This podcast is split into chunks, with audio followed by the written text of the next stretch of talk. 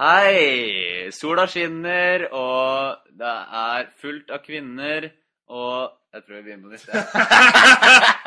Nei, nei, nei, går bra. Det er fortsatt. Fortsett. Det er jo mange kvinner. Uh, velkommen til podkast. Eller i hvert fall et audioopptak som vi tenkte at Eller jeg Jeg så at Knut var så fullstendig gira i dag, så jeg eh, Så vi spora litt av på jobben, så begynte jeg å spørre hva er det du Hvorfor er du så gira? Og så begynte han å fortelle, og så sa jeg vent litt, det her må vi ta opp. Og så lager vi en greie av det. Og så lar vi du høre på oss, fordi det er så mye klokt som kommer ut av munnen til Knut. Og det er så mye Ja, mye gullkorn.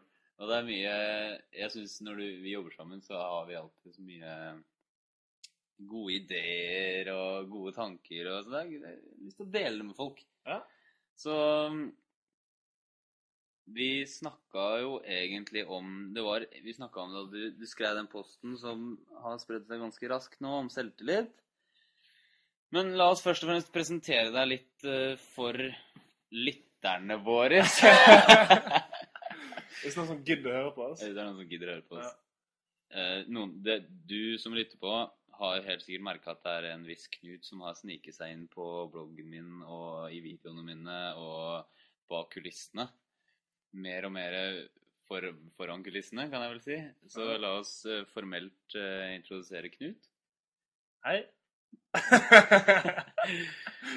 Ta den, ta den standardgreia. Fortell bakgrunnen din. Hvorfor sitter du helt fra du ble født, helt til du sitter her nå sammen med meg? Ja, jeg var født i Mo i Rana i Nord-Norge, som du eh, sikkert hører. Og der eh, var jeg til seks år, så flyttet jeg til Bergen. Og så var mamma fra Egersund og fra Sørlandet, og jeg snakka nordlandsk. Og jeg kom inn i et miljø der alle snakket en sånn bygdedialekt. Og bønder som bodde der. Og det var litt ukjent og nytt for meg. Så eh, jeg måtte legge opp hele dialekten min, da. Og så havnet jeg litt utenfor hele det sosiale miljøet der. Og kom litt utenfor det. Og det var liksom den der litt av den motivasjonen kom fra. da. Og jeg ble veldig inneslutta på en måte. og Følte liksom ikke at jeg hadde det så godt. da. Begynte å spille mye Counter-Strike for de som har hørt om det. CS. Beste spill i verden. Men du fikk motivasjon på hva da? For å forandre livet, for å gjøre noe med det som jeg var i. For at, eh, jeg var i en, på en plass der jeg ikke var så lykkelig med spesielt sosiallivet. da. Det var der det begynte, liksom. Og utover videregående og sånn som der, så følte jeg at noe måtte skje. da. Og jeg så for meg for Nå var jeg i en posisjon der jeg hadde gått gjennom hele skolen, og i og med at jeg ikke var sosial, så var jeg veldig gode karakterer. da. Ja. Og hadde begynt å, å få suksess på den delen da. Men det som så for meg, og det som familien min ville, og det som, det som de folkene liksom eh, lærere og alle rundt ville, var at jeg skulle gå på en ingeniørlinje eller et eller annet sånt. Ja. Et eller annet som ikke Jeg jeg husker du snakka om det. Ja, jeg hadde liksom ikke Det var ingenting som brant for meg, da. Nei. Men jeg, det var det som Der veien min var lagt ut for meg. Og jeg følte meg litt fanga der, da. Bare dilta etter. Ja, bare dilta etter. Etter hva som- andre sa at du burde. Riktig. Presis. Det var egentlig det jeg hadde gjort hele livet, da, fram til jeg var sånn 19-20 år gammel. Eh, Det er synd. ja, egentlig. Det, men det er ikke, jeg er ikke det eneste, da. Nei. Det er jo sånn som nesten 90% eller kanskje mer, av den vestlige verden, skulle jeg si, Ja.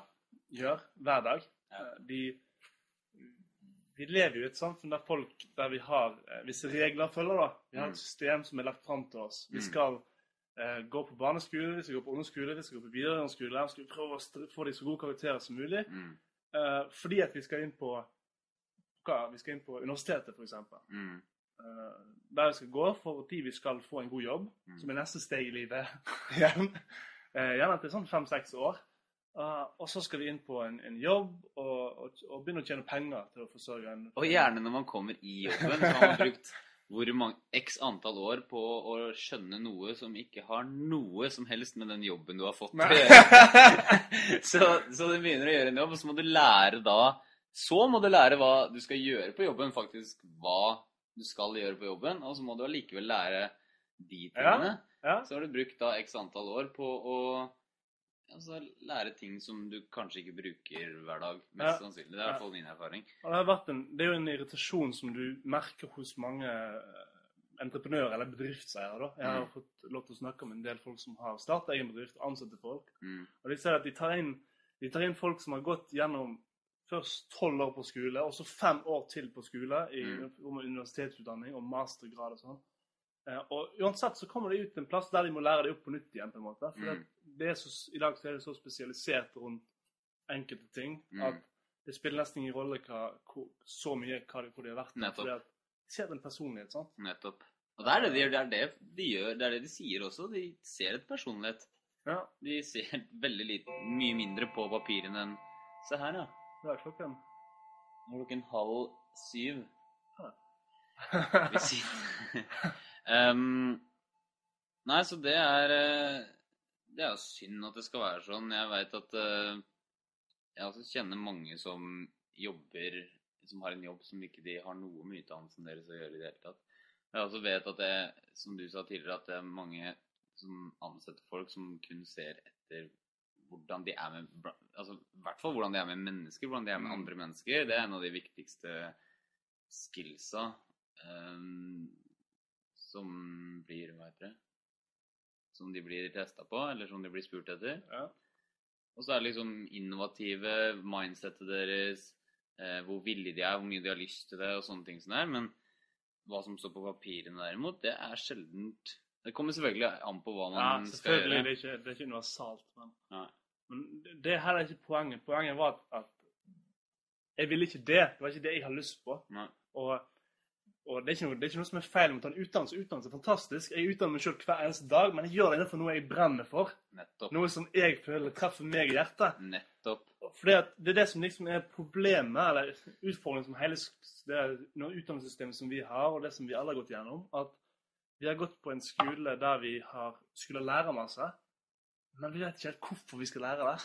Altså, Vi har ikke grunnen for det. Men med en gang folk f.eks. i sjekkemiljøet som finner ut at de nå skal gjøre noe med sitt datingliv, og de skal komme seg ut og de skal møte jenter, og sånt, så begynner de kanskje å studere 10-20 bøker Ja. i måneden sant, på hvordan de skal sjekke helt jenter. Ja, ja. Uh, inner game og outer game, teknikker og sjekketriks og what have you. sant? Og de prøver og tester, de analyserer erfaring. De gjør alt som er riktig med læring, men de gjør ikke det på skolen. Nei, For de har ikke noe motivasjon for det. De har ikke noe grunn. De har ikke noe grunn til å lære det i det hele tatt. Hvorfor skal de lære det? Precis, og det er akkurat som ikke vi vet hvordan vi skal lære. eller Derfor så bruker vi det ikke. Men med en gang folk kommer inn i for sjekkemiljøet, Mm. så begynner de å få seg en mastermind, de begynner å få sperringspartner, de begynner å teste, og prøve ut, de lærer aktivt. Mm. Og de gjør alle tingene her. Hvorfor? Fordi at de har en grunn for å gjøre det. Ja. De går i en spesiell retning. Eh, og det var jo der det endret for min del også. Det var der jeg begynte. sant? For Mm. det var, Jeg hadde en frustrasjon med sosiallivet. Jeg skulle få den ut av verden. Jeg skulle Ja. destruere den. Ja. Og Jeg husker vi snakka om hvordan vi begge var den personen som, som aldri ble ringt til. Men det var alltid vi som ringte andre. Ja, det tror jeg det er mange som føler. Ja. Og så uh, Nei, altså Hvor var jeg? Du var på frustrasjoner med sosial, altså sosiale sammenhenger. Ja, eh, Du, du skjønte at det var Da fikk du motivasjon da, til Ja. å lære noe. ja det, var, det var det som var eh, Som trigga meg da til å begynne med til å komme inn i hele selvutviklingen og, og gjøre noe med det. Så Jeg møtte deg på Ok, hva skjedde videre da? Du, du ble ikke ingeniør, eller? Jeg møtte, jeg møtte jo deg på Nei, jeg, eh, jeg ble ikke det. Det var for Det var, det var et heldig tidspunkt for meg, fordi jeg hadde akkurat slutta med, med en videregående skole. Ja. Og det var liksom et nytt kapittel i mitt liv. Ja. Og jeg skulle ta noen valg nå som skulle få uh, store konsekvenser. Det, det er jo ikke nødvendig. Du kan alltid ta en annen vei tid som helst, men jeg følte at nå var tiden for å gjøre noe nytt. Og den veien som jeg så framfor meg med, med eh, fem år utdannelse, Volvo og kanskje ikke altså Der jeg var, så er det ikke sikkert jeg hadde fått noe jente i det hele tatt, liksom. Nei. Eh, Så jeg måtte gjøre noe annet. Jeg reiste til Danmark, jeg møtte deg blant annet. Jeg, fikk, eh, begynte å ta handling på ting. Begynte å gå ut, møte masse jenter. Jeg leste alt jeg kunne finne av, av selvutvikling, Tony Robbins, fra, fra det til alt datingmateriale, og begynte å møte sånn 50 til 100 eh, jenter. 150 var det meste jeg hadde på, på én dag av, av 150 jenter som jeg skulle begynne å snakke med. hver eneste dag. Hver eneste dag. Men jeg må stoppe deg litt, for du, du sa at du så eh, Du visualiserte deg den eh, potensielle framtida di som ikke var appellerende, da. Mm. Eh, og så skjønte du at ok, det her er ikke noe for meg, eller Var det noe som du gjorde bevisst, eller er det et tips til folk? Eller, fordi jeg også tenkte på det back in the days at eh, ok, hvis jeg fortsetter sånn som jeg gjør nå, så kommer jeg til å ha det sånn som jeg har det nå resten av livet, og det er ikke særlig appellerende. Mm. Så jeg er nødt til å steppe opp. Var det en eh, tilsvarende tilfelle hos deg? Ja, på en måte. Jeg tenkte det ville bli verre, faktisk. Jeg tenkte det fordi at Jeg tenkte det at OK, nå har det gått eh, hva, 20 år av mitt liv, Mm. og nå er jeg så frustrert. Mm. Og hvis jeg da går på et nytt løp, eller går på et løp der jeg skal gå de neste årene, og jeg skal gjøre noe som jeg ikke er brenner for, jeg skal gjøre noe som jeg ikke er lidenskapelig for, Ja. jeg skal gjøre alt det, da. Hvor frustrert vil jeg da være om 20 år til, for Ja. Hvor irritert må jeg være på meg sjøl og alle de tingene jeg kunne gjort i løpet av den tiden der? Ja. Eh, alle tingene jeg elsker å kunne holde på med å utvikle meg sjøl, at jeg ikke kunne gjøre det på de neste 20 år. Hvordan vil jeg Ja. da føle meg? Ja, ok, for jeg, ja, jeg skjønner. Det er jo egentlig en bra egenskap. At, eller det er jo ikke en bra ting, men det er jo en god egenskap at du fant så mye eh, smerte i det at du tok handling. For min del var det, sleit jeg litt med det, fordi jeg vippa mellom å vente på Vente på den dagen hvor alt skulle ordne seg. Den dagen hvor liksom hele huset er ryddig, du har ikke regninger, du har, eh, du har trena i et år, så du er liksom helsemessig perfekt, og du spiser bare sunt, og du føler deg helt fantastisk hele Mm, dagen. mm. Alle er glad i deg, du er glad i alle. Men den dagen kommer jo ikke, og det Eller ikke, ikke for å demotivere noen, men eh, det en god det, ting, hjelper, det er en god ting, for det hjelper ikke å sitte og vente på den dagen. Det er Ja. hele poenget. det, eh, Og når jeg skjønte det, da fant jeg smerten min, og da kunne jeg ta handling på ting. Ja. Eh, Men det er liksom det. altså Enten så, enten så blir du inspirert til å, til å komme en plass. Noen inspirerer deg til å ta en handling fra der du er, til Mm. å gå en plass. mm, Eller så blir du som, som sånn at du blir på en måte så fed up. fed up med det. Ja. Du blir desperat. Du, skal få til noe nå, for det her, er, skjer bare ikke. Ja. Sant? Men det som, det som mange da finner seg sjøl i, det er at de uh, det finner seg sjøl i en sånn dødsone, på en måte. Ja. Hvis det her hvis desperat og desperat de kan ikke se meg nå, men her, hvis her borte til høyre er desperat, og her er inspirert, så finnes finner de seg ja. midt, midt, midt, midt her der de verken har noe som er så vondt at de Eller plager de så mye at de må gjøre noe, eller så uh, Og så har de ingenting som driver dem. Det er Nei, ingen ting som gjør deg spent for framtiden. Nettopp. det De går rundt og tolererer hverdagen. Ja, aksepterer at det er sånn som det er. og. Og da, altså, ja for, meg, for min del så er middelmådighet det største helvete, har jeg funnet ut. For det er egentlig større smerte enn å faktisk ha noe som er så smertefullt at det driver deg til å ta handling. For med en gang du tar handling på ting, så, så, så vokser man. Og når man vokser, så, sant, så føler man seg bedre, og så oppnår man suksess innenfor visse områder. Men å leve i den derre limboland, som jeg kaller det, det er, liksom, det er det verste. Men eh, ok, tilbake til historien din. Eh, du dro, ja, så har du, dro du til Danmark, leste, studerte og eh, dro ut og møtte alt fra 50 til 150 damer om dagen. jeg har vært der selv. Etter, eh, etter tre måneder Altså, det, det, er jo, det er jo en utvikling i seg sjøl. En, Mm. en vei du går på. Du møter utfordringer hele tiden. Sant? Først er du redd for å gjøre noe i det hele tatt. Du er livredd for det. Ja. Jeg hadde skikkelig angst for å kunne i hvert fall gå opp til noen på gaten Ja. og si hei. Ja. Det var skummelt. Skikkelig skummelt. Ja, det jeg husker det, faktisk. Ja, sant? Det er svette, og det er eh, rød i ansiktet, og du har panikkanfall. Ja, ja, og du gjemmer deg for coachen.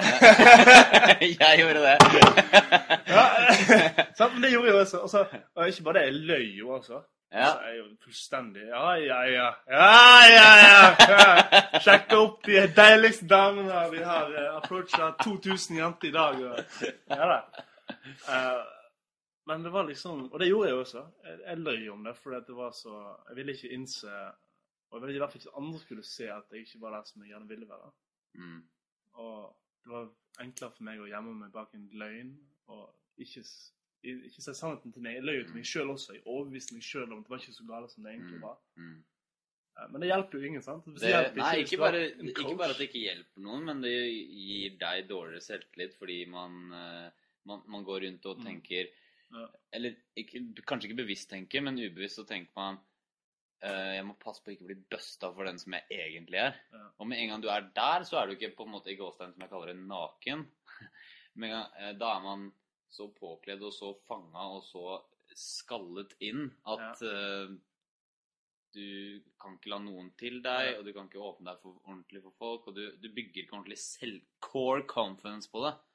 Når man har den derre Jeg må passe på å ikke bli busta for den det Ja. egentlig er. Det var akkurat det som skjedde. Også. Det var det? Akkurat det som skjedde. For det som skjedde, var at uh, At jeg fikk så mange historier jeg skulle holde kontroll på.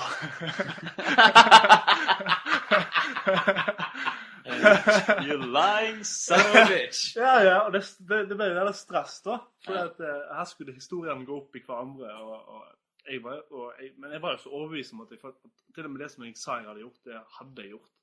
Ja, at jeg ja. følte at jeg var Men det, var, det ble helt fucka opp. Ja. Og det var ikke før jeg klarte å være legge alle kortene mine på bordet og dele usikkerhetene mine og dele måten jeg følte på, og si det til andre folk. Mm.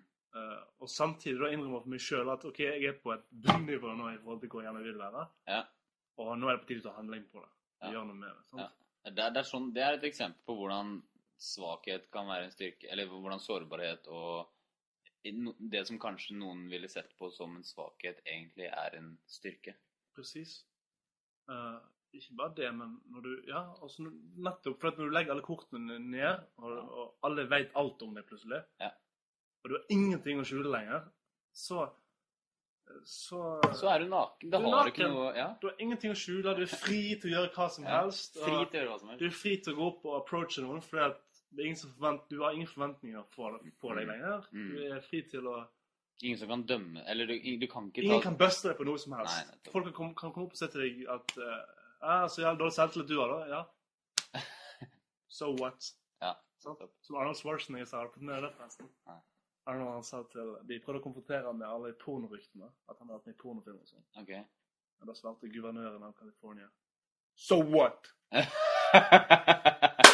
Case closed! Case closed. Ja, kult. Det er et eksempel på å være naken. da. Ja, det er det. Mm. Ja, dritkult.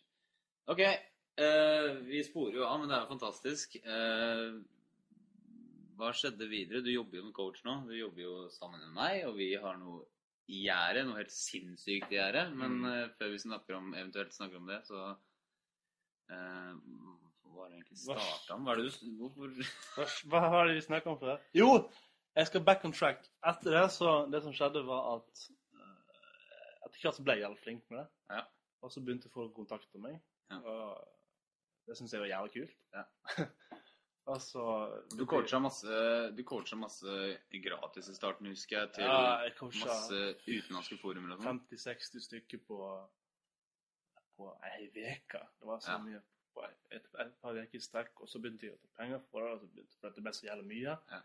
Eh, og jeg så at dette her var noe jeg elska. For den følelsen jeg fikk av å se en person som gikk fra der som jeg var, kanskje Ja. Og stort sett så var de jo kommet mye lenger enn det jeg var. på Ja. det tidspunktet, Men de var på en plass, og hun kunne se de utvikle seg fra A til B og få oppdagelser og begynne å ta tak i livet sitt. da, Mm. Og gå for det som de virkelig drømte om, istedenfor å være på en plass der de var utilfredse og hadde det kjipt. ikke sant? Mm. Det var noe som jeg elska. Det Mm. Plutselig fant jeg min, min lidenskap, min drøm, og det plutselig blir alt så jævlig mye enklere. Yes. Yes, man. Helt enig. Og det baller på seg, og jeg, nå har jeg coacha rundt jeg vet ikke, 350-400 noe sånt Ja. personer fra Ja. ni land. Det er sykt. Det har tatt helt av. Ja. Uh, men det begynte, jo- det begynte jo bare med at jeg fant ut at uh, veldig fort at det å hjelpe mennesker med å oppnå sitt potensial og ta folk fra en plass der det er kjipt, til en plass der det er fantastisk, Ja. det var noe som jeg brant for. Det ble så mye enklere. altså Alt ble så mye enklere. Det å sjekke opp jenter ble så mye enklere. fordi at jeg var så mye mer stolt av meg sjøl. Jeg var så mye mer komfortabel med at jeg hadde en, en vei, da. ja. Og ikke bare, ikke bare at, det var, at det var coaching, eh, Nei, nei. men at det var lidenskapen. Ja. Det er det som er nøkkel. Riktig. Og jeg ser, det, jeg ser det også, for jeg har etter det så har jeg hatt gleden av å møte så mange mennesker som har en, en visjon og en drøm og en Mm. lidenskap. Og jeg ser de gå fra å være de slappeste, mest destruktive menneskene til at de tar seg sammen, og de får gløden og lysten til å lære noe nytt og, og lese. Og, Ja, det er helt, det er helt, det er helt vilt Og det skjer sånn! Ja, ja, det det går på skjer et så fort. Når du ser noen som går fra å eksempel, eh, jeg hadde en klient som, som, som slutta jobben sin, og så begynte han, og så starta han eget firma innenfor det han, han digga, da. Og det var Det gikk Jeg kunne ikke jeg, Altså, jeg kunne ikke i min villeste, beste coaching state og i de beste sessionene jeg har hatt Det kunne ikke måle seg med den forandringa det skapte, skapte hos han. Det var helt sinnssykt, rett og slett. Altså, Med en gang folk gjør det de elsker, så elsker de seg selv. Og da elsker andre dem, og da er det bare en positiv snøball som snurrer, og det er Ja, det er ubeskrivelig hvor ufattelig viktig det er. Derfor sier jeg på alle seminarene mine så sier jeg hvis du gjør noe fire dager Ja. i uka eller mer som ikke du liker, så bytt liv. Ferdig snakka.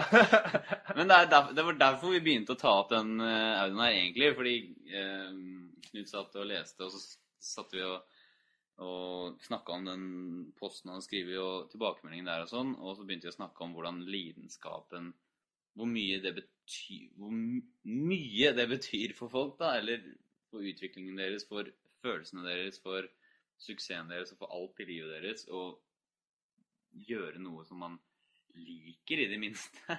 Mm. Ikke Altså, det holder ikke engang. Man må gi Altså, ja. Man må være Man må følge hjertet sitt, da. Så det bryter vel egentlig ned til det, å følge hjertet sitt. Du gjør det. Du gjør det og, og også med det som Jeg nevnte jo ikke det i selvtillit i den posten som, som du finner på Mortens blogg, forresten, men, men det var litt med det siste punktet å kunne respektere seg sjøl. Ja. Kunne virkelig respektere seg sjøl. Ja. Det handler jo om at du også elsker deg sjøl. Og hvis du elsker deg sjøl, så gjør du det som du elsker også. Hele tiden. Nettopp. Og du sa også noe bra der om, om, om sjøl... Altså selve ordet. Ja, altså selve ordet selvtillit er jo Kan man se på, altså, se på det som to ord. Selv og tillit. Man bygger selvtillit når man, når man gjør det man sier til seg selv at man skal gjøre, på en måte. At eh, du gjør det som man selv eh, Hvis hjertet ditt sier at du elsker snowboard, så bygger du selvtillit på å stå på snowboard. Fordi du har Eller hvis eh, hjertet sier at du må hjelpe en person, eller du, jeg må eh, vokse, og jeg kan Jeg har mer potensial enn det jeg viser i dag, f.eks. Hvis hjertet sier jeg har Jeg vet at jeg har mer potensial enn det jeg viser i dag. Det er først når du gjør det som på en måte i gåstegn hjertet ditt sier, da, at det da bygger tillit til deg selv, fordi du gjennomfører en ting. Det er akkurat som hvis jeg hadde sagt til deg, Knut, kan du gjøre det? Og du hadde sagt ja, det skal jeg gjøre. Og når du gjør det, så bygger jeg tillit til deg. Men hvis du ikke gjør det, så mister jeg jo tillit til deg. Mm. Og det samme går til seg selv. at det, hvis, man se, hvis på en måte rota, kjernen av deg selv, på en måte prøver å si til resten av kroppen at 'jeg har lyst til å gjøre det', og når du da resten av kroppen gjør det, da bygger man selvtillit. Og det er sånn Det var en stor aha-opplevelse for meg første gang jeg Jeg vet ikke om jeg leste eller hørte det, eller et eller annet, men det betyr utrolig mye nå. Og Ja. derfor, er det, derfor mister så mange mennesker selvtillit av å jobbe en jobb fra ni til fem som de ikke liker. Altså, eller 40 Tenk å bruke 40 timer i uka på noe som man ikke elsker, eller som man ikke liker engang. Det er jo helt, in, det er jo helt insane in the membrane. Med en gang de, de mister selvtillit på det, fordi hjerterota deres sier at de egentlig vil bli, vil bli ballettdanser, eller Stå på snowboard, for eksempel. på sant? Nå har jeg, fikk jeg lyst til å stå på snowboard, du sa det. For eksempel. Og de mister selvtillit fordi de gjør ikke det som cellet sier at den vil gjøre. Precis, og, og jeg tror alle har en sånn conception av uh, Når jeg snakker engelsk, men hva heter det? Conception på norsk? Uh, Perspekt... Nei. De har en uh, sense av De har en Følelse. følelse av hva det de er ment til å gjøre, hva de elsker å gjøre. Ja. Alle har det. Uh, de har også en, en, et, perspektiv, et perspektiv eller et eller annet på hvem de vil være. Ja. Og det er liksom det med at det som du sier, at alle vet hvor, hva de vil holde på med, hva de, hva de elsker å gjøre, hvor de føler seg best, Ja. hvem de elsker å være. Men hver gang du ikke gjør det som du virkelig er skapt for å gjøre, på en måte, Ja. så påvirker det selvtilliten. Ja. som Du sier. Du, du har ikke tillit til deg sjøl lenger. Du stoler på deg sjøl. Og det er et ganske destruktivt løp å være i. Ja. Jeg har vært der sjøl, så jeg vet veldig godt. Jeg har vært der selv, da. det. Uh, og du føler deg litt nummen fordi at du har ikke den Du kan ikke ta action. da. Du, du har ikke den Du har ikke en evne til å få det som du virkelig vil og drømmer og få ut i verden, til å skje. Nettopp. Og det syke er at når man gjør det man elsker, når man, når man er i et forhold som man virkelig brenner for, når man jobber med det man virkelig brenner for, når man eh, Ja, så, så så kan man ikke vente på å ta handling med det. da. Da er det sånn her, Du har så jævlig lyst til å jobbe, og du har så jævlig lyst til å være med dama, og du har så jævlig lyst til å være med familien. Og, liksom, og da er du mye mer present i tilstedeværende i forholdet ditt, eh, med familien din, også i arbeidet ditt. Du, ing, altså, Som Gary Waynerchuk snakker om, det går ikke an å, ska, eh, altså, å holde på klienter med mindre man har et forhold til dem. Ja. Eh, og et forhold til dem klarer man heller ikke å holde på med mindre man er tilstedeværende. Mm. Og tilstedeværende klarer man ikke å være hvis ikke man brenner for noe. Hvis ikke man uh, har lyst til å ta handling på ting. Fordi med en gang, Hvis man jobber med noe som liksom Ja, nei, whatever, så, så har du ikke den, den pågangsmotet som får deg til å gjennomføre ting. Og Det er der du ser også mange som, som gjerne vil oppnå noe. De vil gjerne oppnå noe, sant? Og du ser mange som har en sånn glød for å De vil gjerne få til noe, de vil oppnå suksess, sant? men de, de, de, de gjør ting som ikke er deres lidenskap, som ikke de brenner for å gjøre. Mm. Sant? Og så hver gang de kommer til en roadblock eller noe sånt, eller de kommer til en utfordring, så har de ikke den kraften i seg til å bryte gjennom den, Mm. eller i hvert fall gå rundt den. Mm. Ikke sant? Mm. De blir de lar seg stoppe av småting. De er ikke villige til å ta de stegene som skal til for å kunne nå hele veien. Ja. Uh, og det er det som skjer når du ikke følger lidenskapen din. Ja. Og det som du sa i stad, det er jo akkurat det som lidenskap er. Ja. Lidenskap er det å kunne våkne opp om morgenen og tre ut i sengen med den gløden å vite at i dag blir en fantastisk dag. I dag skal jeg gjøre akkurat det jeg elsker fra jeg står opp. Og hele veien til klokka er to om natta, Ja. og jeg har seks timer søvn til neste dag når jeg endelig kan stå opp igjen Ja. og gjøre det jeg elsker igjen. Jeg vet. Og det er jo helt fantastisk. Det er ikke noe annet å si om det. Det er bare helt rått. Det er jo helt deilig. Det er helt nydelig. Og til slutt så har vi en liten overraskelse til deg, og det er Vet du hva, vi skulle, snak vi skulle sagt i starten at vi hadde en overraskelse på slutten. Det hadde jo vært Ja. kjempekult. Sånn radioaktig... Vi klipper det inn etterpå. Vi klipper det inn etterpå. Hvis vi har giddet å klippe, så er det her i starten. Hvis ikke, så er vi late. Eh, Men vi har en overraskelse, og det er at eh, vi skal holde et gratis seminar i Oslo. Det stemmer. Hører et jubelrop på andre siden. Gratis! Jeg skal holde et gratis seminar nå på onsdag.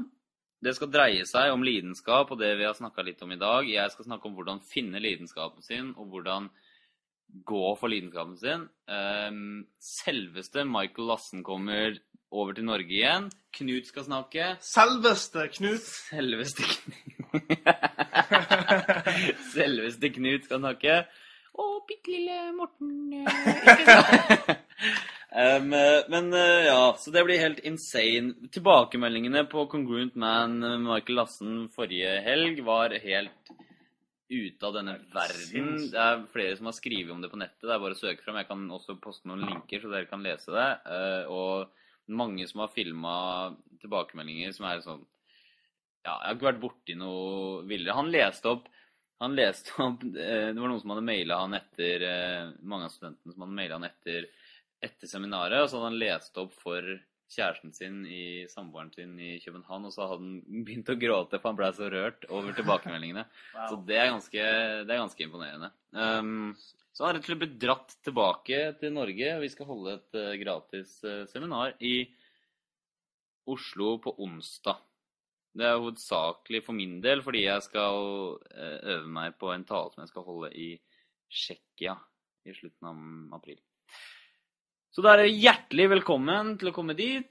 Mer info kommer i en eller annen link under her, eller et eller annet sted. Bare følg med på Facebook og bloggen min, så, så, er så henger dere med. Er det noe siste punchline du vil ha med, Knut?